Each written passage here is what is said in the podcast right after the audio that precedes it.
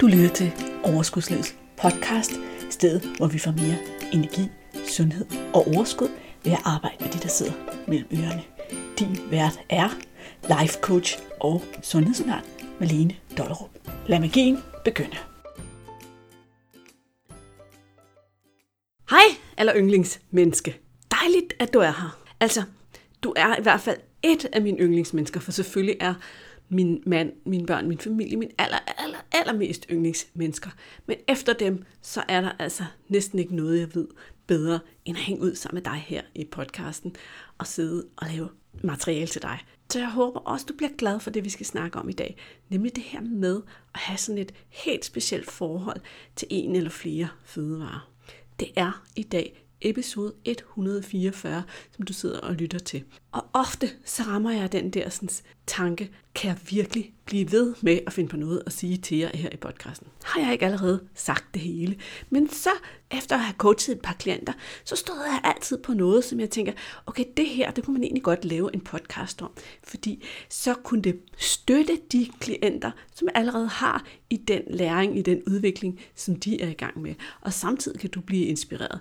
Men faktisk, så bruger jeg podcasten rigtig meget også til at støtte mine klienter. Når du er klient hos mig, så kan du få ligesom sådan en dobbelt effekt af både at blive coachet på det, men også lære det og få sådan en ekstra reminder eller en dybere forklaring i podcasten, så det går op i sådan en højere enhed. Det er da smart, ikke? Så ved du det til den dag, du beslutter dig for, at du også skal have en life coach.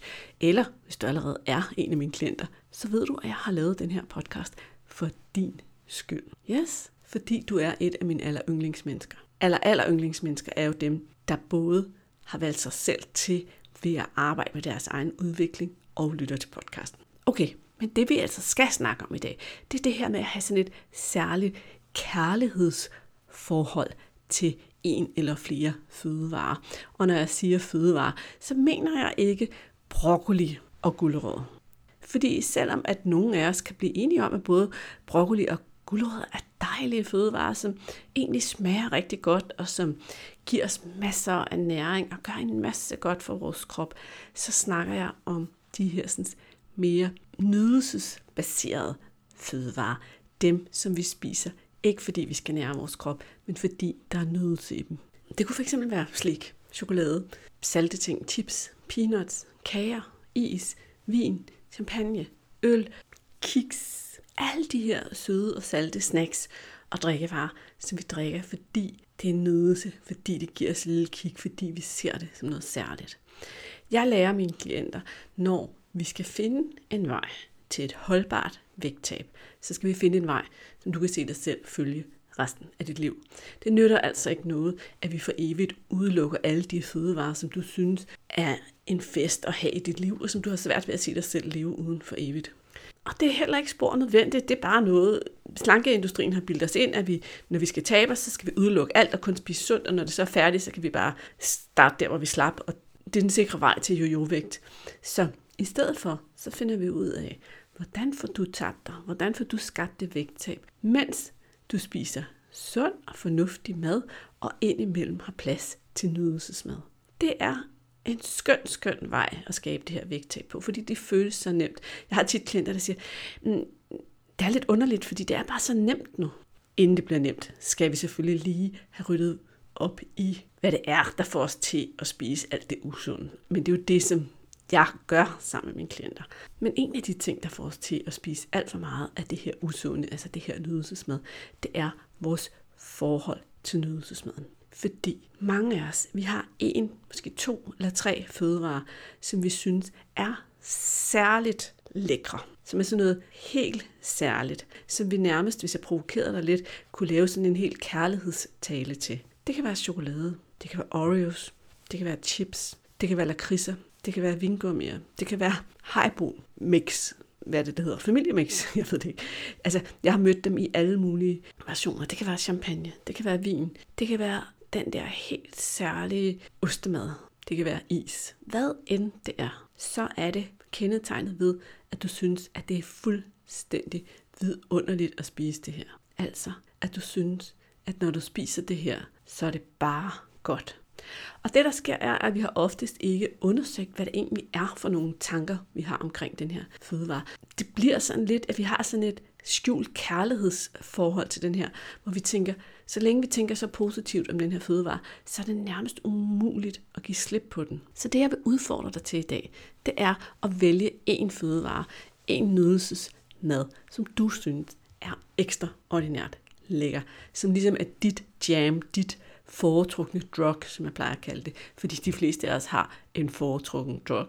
Og hvis vi ikke kan få det, så, så kan det være, at hvis vi er i en følelsesmæssig tilstand, hvor vi har brug for at dulme eller regulere vores følelser med mad, fordi vi ikke kan gøre det anderledes, så vælger vi det næstbedste, og hvis vi ikke kan vælge det næstbedste, så ender vi med at, du ved, æde ungernes pålægtschokolade eller spise et eller andet, vi egentlig ikke har lyst til bare for at få vores fix. Men hvis vi kunne vælge, så vil vi tage de her Oreos, eller den her chokolade, eller det her is. Fordi det er det, der er det allerbedste.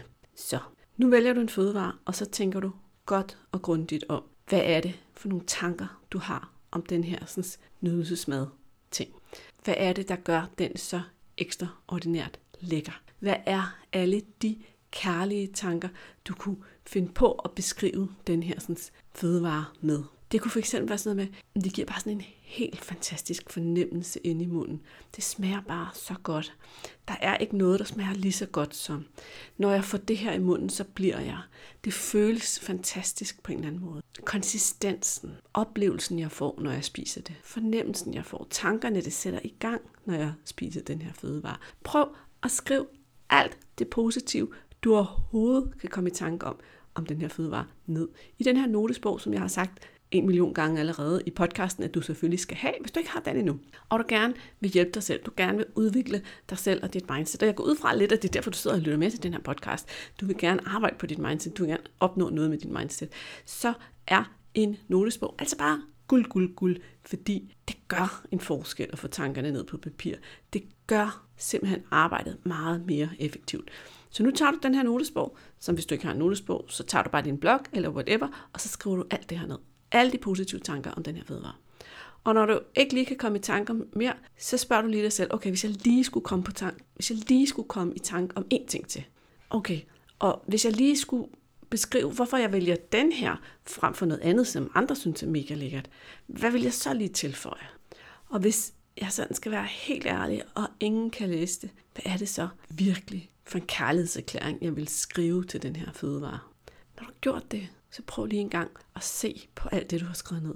Prøv lige at kigge på det. Fordi det, du sandsynligvis finder ud af, det er, at det her, det er ligesom en, et kærlighedsforhold. Og hvordan skal du nogensinde kunne sige nej til at være sammen med den her fødevare, hvis du har så stort et kærlighedsforhold til den her fødevare? Hvordan skal du nogensinde andet end altid at længes efter at være sammen med den og være i forhold med den? Og hvis den er med til at ødelægge det for dig i forhold til, at du får puttet alt for mange, du ved, kalorier i fedtcellerne, så har du måske brug for at ændre dit forhold til den her fødevare, så den ikke kommer på bordet hver dag, men måske kun en gang imellem. Ligesom øh, andre ting, som du godt kan se er lækre, men som ikke er noget, du, sådan, du ved falder i med igen og igen og igen. Jeg har det for eksempel sådan, at jeg synes, at noget af det bedste, et af mine største trigger food, det er sådan noget mørk chokolade. Og det skal altså være ret mørkt. Men den der måde, det sådan smelter ind i munden, og den der bitterhed sammen med den fedme og sødme. I like it. Hvis jeg tænker på noget andet, jeg også synes er lækker af nydelsesmad, så kunne det fx være sådan et glas iskoldt hvidvin.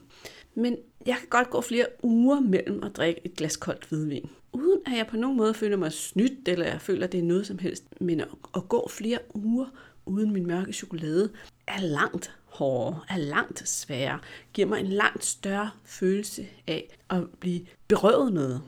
Og det er i virkeligheden det, som er det store problem. Det er, at vores kærlige forhold til den her fødevare, den her nydelsesmad, den giver os en følelse af, at når vi sætter restriktioner på, så bliver vi berøvet noget.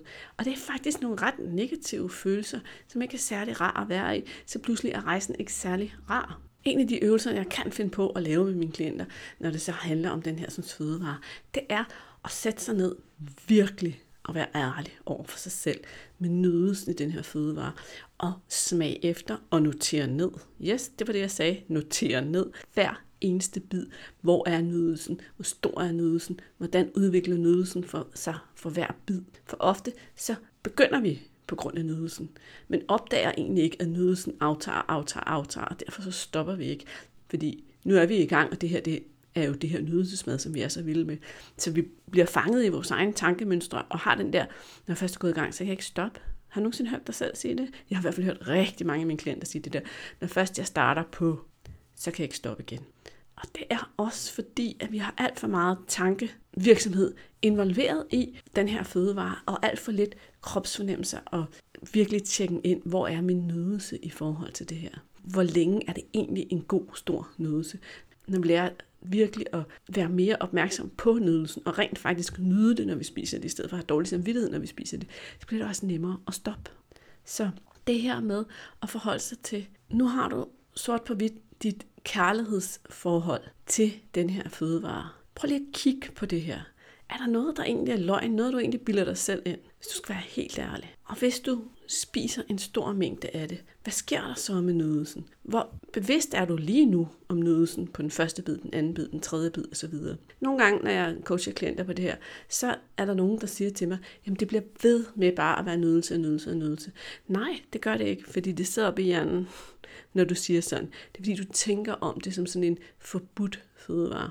Hvis den var fuldstændig lige så legitim og havde fuldstændig samme funktion i dit liv som broccoli, så ville du være meget mere objektiv, når du vurderede nydelsen af den her fødevare. Du vil også langt bedre kunne forholde dig til, hvad fødevaren ellers gør ved kroppen. Fordi du kender nok det her med, at man kan jo sagtens spise en småkage eller to småkager eller lidt chokolade, og have det super fint bagefter. Men hvis man spiser hele pakken eller hele pladen, eller noget, så har man det ikke ret godt i kroppen. Og det ved jeg, at det er der mange af jer, der, der ved, at det skifter fra et okay sted til et ubehageligt sted. Og det er jo fordi, vi ikke mærker noget som helst. Fordi vi slår hjernen fra og bare tror på vores egen historie om, at nu spiser vi noget, og det er strengt forbudt, men det smager bare så godt, så jeg kan ikke lade være. Historier, historier og historier. Begyndelsen til at ændre de historier, det er at begynde at ændre dit kærlighedsforhold til den her fødevare. Ja, der skal være plads til den i dit liv, men den skal pilles ned fra den pedestal, du har sat den op på. Du skal forholde dig til, hvad der ikke er fedt ved den. Og der mener jeg ikke bare det her sådan med, at det er ikke sundt for min krop, og det giver mig for mange kalorier, og du, du, du, som er det der, vi plejer at føre af. Hvad er det egentlig, der ikke er fedt ved den? Hvad er det, der sådan ikke er rigtig godt? Er der måske ikke nogle sider af den her fødevare, hvis du skal være helt ærlig og have hele billedet med, som du ikke er så vild med? Jeg kan ikke huske, om jeg har fortalt historien her i podcasten, men så er der jo masser af mennesker, der er vilde med vin og brød. Og det kan jeg jo godt forstå, fordi det er fedt, og det er sødt, på en gang, og snasket og fyldt med sukker, og dejligt dopaminfix og alt det her. Men jeg har aldrig været særlig vild med vinerbrød, fordi at så snart jeg har spist det, så har jeg sådan en helt fedtet hende fornemmelse inde i ganen. Og det synes jeg faktisk er rigtig ubehageligt. Altså jeg får lyst til at tage sådan en tandbørste og kraste af. Og, og så bliver jeg træt og får sådan brain fog og får lyst til at sove når jeg spiser vinerbrød. Det, det er min oplevelse af vinerbrød. Det er de ting, der ikke er særlig fedt ved vinerbrød. Og derfor så spiser jeg stort set aldrig vinerbrød. Jeg kan slet ikke huske, jeg vil den påstand, det er mere end to år siden, jeg sidst har spist et stykke vinerbrød. Og hvis jeg gør, så spiser jeg et meget lille stykke og levner gerne. Okay? Fordi den ting er bare ikke fedt ved vinerbrød. Hvis jeg tænker på en anden ting, jeg godt kan lide, jeg kan godt lide sådan rigtig salt eller kriser. Hvad er det så, der ikke er så fedt ved dem? Jamen det er måske også, at hvis jeg spiser for mange af dem, så får jeg faktisk en ondt i maven. Det føles meget mærkeligt nede i min mave. Og efter et par stykker, så kan man også godt blive sådan lidt ro ind i munden. Og, og, og det bliver også sådan lidt ensformigt. De kan også godt sådan finde på at give sig lidt mærkeligt fast i tænderne på sådan lidt irriterende måde, de der lakridser. Se, det var to eksempler fra mig på, hvordan jeg godt kunne tage noget, som egentlig er nydelsesmad, og som vi egentlig forbinder med noget lækkert, og så virkelig fokusere på det, som var mindre lækkert i den her fødevare, og på den måde pille mit kærlighedsforhold lidt fra hinanden. Måske kunne du godt lure, at jeg, mit kærlighedsforhold til vin og brød aldrig har været særlig stort.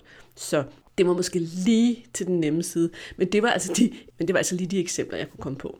Jeg kan jo også tage og udfordre mig selv, nu jeg sidder her, og så tage den her mørke chokolade, som jeg synes er noget af det bedste.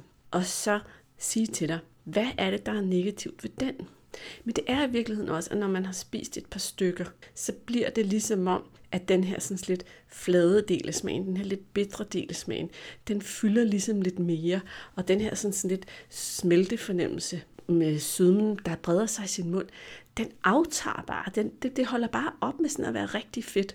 Og hvis jeg får spist for meget chokolade, hvilket stadigvæk godt kan ske for mig, hey, jeg er bare et menneske, så så kan jeg godt mærke lige pludselig sådan, hey, wow, hvad sker der? Det, jeg nyder det overhovedet ikke mere. Nydelsen er virkelig sådan aftaget. Nydelsen ved to stykker er fantastisk. Nydelsen ved fire eller fem stykker er ødelægger faktisk oplevelsen af at have spist de to første stykker. Og når jeg virkelig ejer det, så bliver det meget nemmere bare at nøjes med to stykker. Jeg havde en af en gang for alle klienterne her i sommer. Vi havde simpelthen en fest med at fejre hende, fordi at hun havde været på sommerferie, og hun havde spist is, fordi det skulle der selvfølgelig være plads til. Men hun havde ikke spist nogen af de her is op. Hun havde bare levnet de her is. Og nogle gange så var der en af ungerne, der havde spist det, og nogle havde bare smidt dem ud. Men det vi også snakkede om, det er, når vi begynder at øve os i sådan noget, så bliver vi også et forbillede for andre. Vi bliver forbillede for vores børn, vi bliver et forbillede for vores kollegaer, vores venner og vores familie, når vi levner os af det her mad, som alle forbinder med sådan noget forbudt nydelsesmad. Når vi siger, gud, nu har jeg ikke lyst til mere, nu giver det mig ikke mere fornøjelse, og så stopper, så bliver vi et forbillede for andre mennesker. Og den tanke er meget mere konstruktiv end, jeg burde også spise det, fordi jeg har betalt for det, eller jeg ved ikke, hvornår jeg næste gang får en is, eller den er jo også lidt forbudt, og alt det der crap, vi fylder med vores hoved med, når vi først er i gang med at spise sødsager. Så, kære podcastlytter, hvad er din absolute foretrukne drug inden for nydelsesmad? Prøv at høre her. Jeg har lavet et opslag inde i Facebook-gruppen Sund Kurs i dag, onsdag den 10. november. Og der kan du rent faktisk svare på det her spørgsmål. Og jeg synes simpelthen, det vil være så sjovt, uanset om du hører den i dag eller om et par dage. Og så at du går ind i Facebook-gruppen Sund Kurs og deler med os, hvad er din trigger food? Hvad er din foretrukne nydelsesmad? Hvad er den, du har det allerstørste kærlighedsforhold til? For at du kan finde den, så har jeg lige hashtagget den med EP144, fordi det jo altså podcastens nummer, så jeg tænkte, det var meget nemt. Jeg har selvfølgelig også linket til opslaget i episodenoterne. Okay, jeg glæder mig helt vildt til at se, hvad dit bud er, og hvis du har lyst til at blive udfordret på det, hvis du har lyst til at få hjælp til at ændre dit kærlighedsforhold til fødevarer, hvis du har lyst til, at det skal være nemmere og sjovere at være dig, men så kan du gøre et par forskellige ting. Du kan jo skrive, prøv at høre, jeg synes, det er svært, det du sagde i podcasten. Vil du give mig et par ord ind i Facebook-gruppen, og så vil jeg selvfølgelig gøre det. Det kan også være, at du simpelthen har besluttet dig for, yes, det skal være, det skal være nu. Nu vil jeg have et sundere og mere naturligt og afslappet forhold til mad. Jeg vil gerne i mål med det her på den der måde, hvor det ikke bliver alt for anstrengende. Og du tænker, kan Malene hjælpe mig? Er Malene den rigtige til at hjælpe mig? Hvis du gør det, prøv at høre.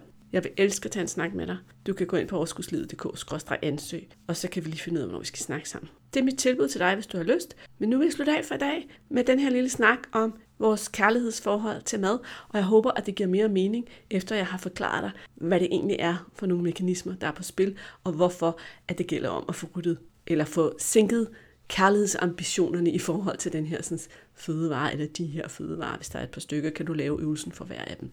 Nu er der ikke andet at sige, end at, søde ven, vi skal selvfølgelig hænge ud i dit øre igen i næste uge. Det bliver en af de sidste afsnit i år, fordi podcasten har som regel juleferie i december. Kan du have det dejligt, til vi ses. Hej hej. Hey, pst. Er du klar til at høre det allerbedste fraklip fra podcasten i dag, så kommer det her. Hør godt efter. Hvad tror du egentlig, jeg prøver at sige? Det kunne fik Fik du den? Jeg overvejer, om det skal være et nyt ord. Hej hej. Hey, inden du løber, glem ikke at abonnere på podcasten, så du ikke går glip af en eneste episode. Og skulle du have fingre i den gratis videotræningsserie Vægtab med din hjerne, så smut ind på overskudslivet.dk-videoserie, så lander den første video i din indbakke i dag.